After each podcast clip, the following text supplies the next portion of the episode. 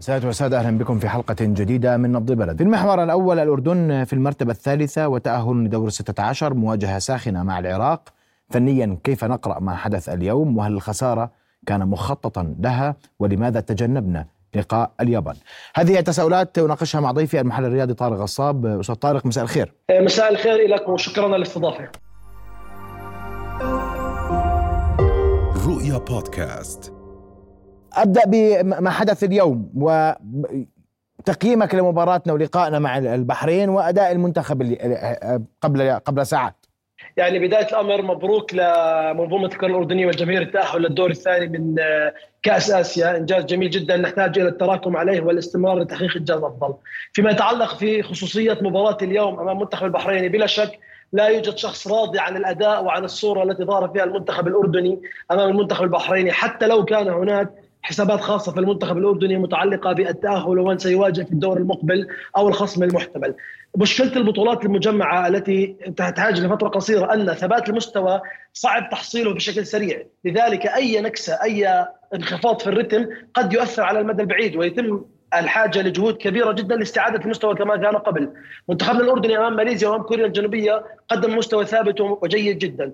انخفاض الرتم أمام منتخب البحريني قد يخلق مشكلة أمام حسين عموته لاستعادة هذا الرتم أمام منتخب صعب كالمنتخب العراقي خاصة ان دور ال 16 لا يوجد فيه خصم سهل لذلك حتى وإن خسر المنتخب فإن المشكلة ليست من خسارة بحد ذاتها بل المشكلة بالشكل الذي ظهر فيه المنتخب الأردني كنا بحاجة لتجربة عناصر جديدة نعم كنا بحاجة لراحة بعض اللاعبين نعم لكن لم نكن بحاجة لتغيير خطة اللعب وطريقة اللعب. نحتاج إلى استمرارية نحتاج إلى زخم. وهذا هو المطلب الأول. لذلك هذا هو التحدي الأكبر الذي سيواجهه منتخبنا الوطني أمام منتخب العراق. استعادة الزخم واستعادة المستوى الثابت والصورة القوية التي ظهرنا فيها أمام كوريا وأمام منتخب ماليزيا. أستاذ طارق يعني وكان في تساؤل هل هل مواجهة العراق هي الأفضل للمنتخب الوطني في ضمن الخيارات المتاحة؟ صدقا أنت شاهدت كيف تقلبت لعبة الكراسي في في تصنيف المباريات القادمة لدور ال 16 16 كان هناك احتمال أن نلعب مع السعودية ثم احتمال أن نلعب مع قطر ثم احتمال أن نلعب مع العراق. لكن حسم الموضوع لم يكن سهلا واحتاج إلى الدقيقة الأخيرة من الجولة لحسم الأمر، لذلك لم يكن لدينا خيار بالمعنى الحقيقي الاختيار مع من سنلعب، كانت عبارة عن مغامرة، نتيجتها منتخب العراق، منتخب العراق منتخب قوي جدا، منتخب مميز جدا. شاهدنا أحرز تسع نقاط في الدور الأول. رقم مميز جدا منها فوز على المنتخب الياباني. ما تحدثت عنه من مشكلة قد يواجهها حسين عموته متعلقة بالزخم هي نقطة قوة المنتخب العراقي حاليا الاستمرارية الأداء المميز جدا للمنتخب العراقي وثبات الأداء. إذا ما سمعت الآن عندما نتحدث عن منتخب العراق نتحدث عن منتخب قوي نتحدث عن منتخب صيته مسموع في البطولة لأنه انتصر على اليابان وحقق وأصبح الكل يخشاه لذلك هذا هو التحدي التحدي كبير جدا. المنتخب العراقي المتجانس يمتلك عناصر قوية جدا على الناحية البدنية وعلى الناحية التكتيكية. نحتاج لعمل كبير جدا وتحضير كبير جدا من الناحية الفنية من حسين عموتة لقتل مفاتيح اللعب للمنتخب العراقي.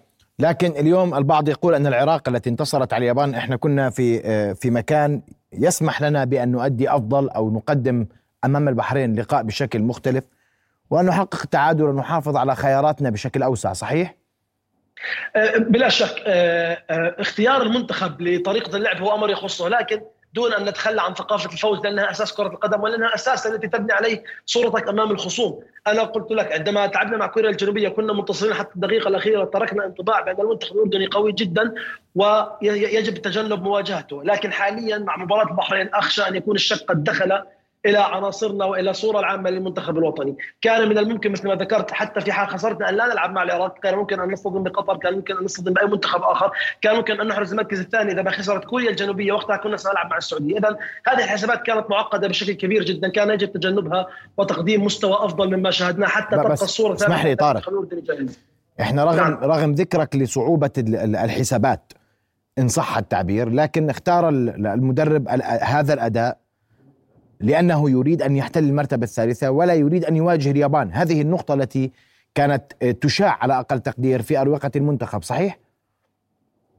هذا السيناريو الذي افترضناه بناء على ما شاهدناه في الدقائق في الدقائق العشر 15 دقيقة الأخيرة. شاهدنا منتخبنا غير مبادر. إذا كان من الواضح أنه يريد تجنب تصدر المجموعة ومواجهة منتخب اليابان هذا أمر يبدو أنه كان واضحا لكن أنه صحيح أو خاطئ هذا أمر آخر تماما. بوجهه نظري منتخب العراق لا يقل صعوبة عن المنتخب الياباني. مواجهات دور ال 16 هي مواجهات متعلقة بخروج المغلوب مباراة واحدة. التحضير لها يجب أن يكون مختلف. وشاهدنا المنتخب اليابان نفسه في كأس العالم خاض المباريات بسقف توقعات أقل لكنه حقق نتائج مميزة جدا. اذا التحضير أمر مختلف.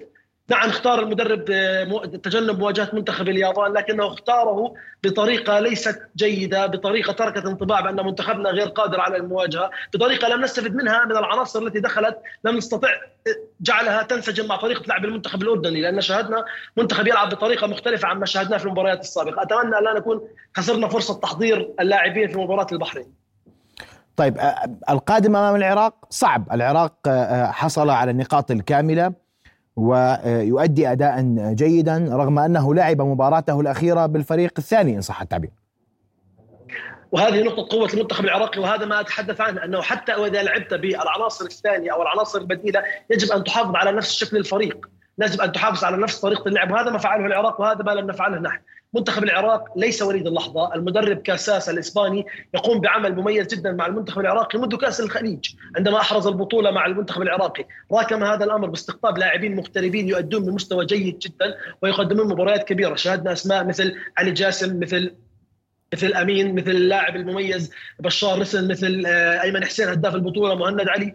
أسماء مميزة جدا بالإضافة إلى صلابة في خط الدفاع. المباراة صعبة جدا تحتاج إلى تركيز كبير. نحن منتخبنا يمتلك العناصر القويه لكن يحتاج إلى 100% من الطاقة والتركيز وتجنب الأخطاء الفردية كي يستطيع مواجهة المنتخب العراقي.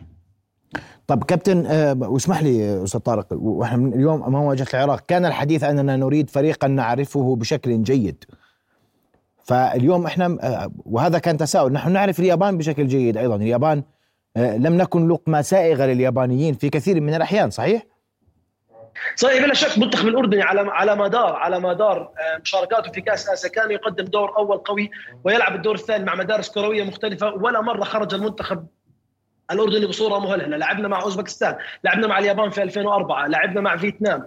في في الثالث ونسخ قدمنا مستوى مميز جدا وتفاصيل صغيرة هي التي صنعت الفارق، اذا في دور ال 16 التفاصيل تختلف تماما، حتى لو أن المنتخب لا نعرفه فالمنتخب كذلك هو لا يعرفه، نحن نستطيع أن نفرض شخصيتنا وأسلوبنا، التحضير الجيد للمباريات هو ما يجعل الفريق جاهز لخوض المباراة ولا لا، العراق كمثال عندما حضرت بشكل جيد لمنتخب اليابان، خاضت المباراة بتشكيلة تختلف عن المباراه الأولى بخمس لاعبين، لكن هذا التحضير الجيد هو من صنع الفوز. لذلك التفكير بالخصم وخشية المواجهة أمر غير منطقي لأنك إذا تجاوزت دور ال 16 تواجه خصم صعب في دور الثمانية ولذلك في نصف النهائي فالبطولة بدأ من دور ال 16 تصبح بطولة صعبة الحظوظ فيها متساوية والأفضلية لمن يحضر ولمن يستعد للمواجهة بشكل أفضل.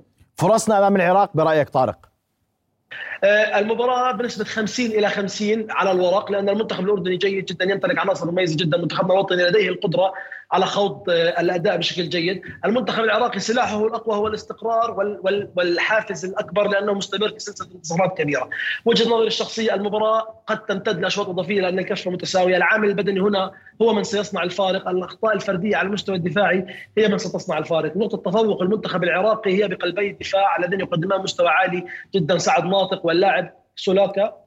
لاعبين مميزين جدا. نحتاج إلى استغلال كل فرصة متاحة لتحقيق الانتصار. لكن على الورق أرى الفرص متساوية والمنتخب إذا ما حضر جيدا فلن لديه فرصة كبيرة للتأهل. طيب التحضير الجيد يضعنا أمام فرصة آه، كبيرة للتأهل لدور الثمانية ولا يمكننا تجنب اليوم المواجهات بمعنى أن هذا آه، يعني سيكون خيار المنتخب. واليوم المنتخب أمام كوريا وأمام وفي لقائه الأول أيضا كان هناك في تغيير في طريقة اللعب. برأيك هل سيغير آه، عموته في طريقة اللعب أمام العراق الأسبوع المقبل؟ أتوقع أن الهاجس الأكبر الذي يفكر فيه عموته هو حالة خط وسط المنتخب الدفاعي في غياب لاعب مثل نور الروابده، هذا الأمر الذي سيحتاج للتركيز. له، استعادة موسى التعمري وجاهزيه محمود المرض أمر مهم جدا، برأيي تغيير على الأسماء التي خاضت المباراة الأولى والثانية غير ضروري لمنتخبنا يحتاج إلى الاستمرار بنفس الأمور لكن يحتاج قد يحتاج إلى إجراء تبديلات بشكل أبكر مما يقوم به بشكل بشكل دائم. بسبب الحالة البدنية الكبيرة للمنتخب العراقي التي قد ترهق لاعبين خاصة على الأطراف، نحن شاهدنا الأطراف لدينا إحسان حداد وسالم العجلين يقدمان مستويات كبيرة لكن معامل اللياقة البدنية ينخفض بشكل سريع لذلك يجب أن ننتبه لهذه النقطة من ناحية إسناد الأجنحة للأظهرة لدينا للتغطية الدفاعية. لو أنا كنت محل المدرب حسين عموته أول شيء سأفعله هو جعل لاعبين يشاهدون مباراة العراق واليابان التي فاز فيها المنتخب العراقي لكي أدرك أنه أنه اولا لا يوجد شيء مستحيل أن المنتخب العراقي عندما خاض المباراة لاعب للاعب كان قادرا على تحقيق الانتصار. لذلك نحتاج إلى رؤية أقوى نسخة للمنتخب العراقي كي نشاهد من خلالها نقاط القوة ونقاط الضعف.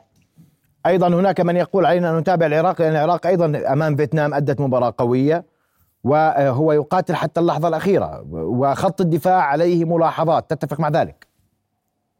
خط الدفاع عليه ملاحظات إذا ما تعرض لضغوطات كبيرة وإذا ما تعرض لهجوم مستمر، لذلك هذه نقطة المدرب حسين عمود التي يجب أن يركز عليها، عدم التراجع بشكل كبير أمام العراق، عدم التراجع للحاله الدفاعيه واستقبال اللعب بشكل كبير، إذا ما ضغطنا على المنتخب العراقي في ملعبه قد نجد فرصة للتسجيل وقد نجد فرصة للضغط على لاعبين لارتكاب الأخطاء، لكن بكل صدق المنتخب العراقي عندما خاض مواجهة منتخب اليابان كان يضغط المنتخب الياباني في ملعبه وعزل المنتخب الياباني تماما فيما يقارب 70 دقيقة، كان المنتخب العراقي فيها أفضل، لذلك الفريق أو المنتخب العراقي ليس سهلا، لكن السلاح الأول والأقوى للمنتخب الأردني هو مواجهته في ملعبه، والضغط عليه وعدم تراجع وتسليمه الكرة وتسليمه الملعب لكي يضغطنا ولكي يبادر بالهجوم نحونا. نعم. المحلل الرياضي طارق غصاب أشكرك كل الشكر على وجودك معنا ونأمل كل التوفيق لنا شامة في مواجهة آه، أسود الرافدين الأسبوع آه، المقبل في دور 16 من كأس آه، آسيا. رؤيا بودكاست.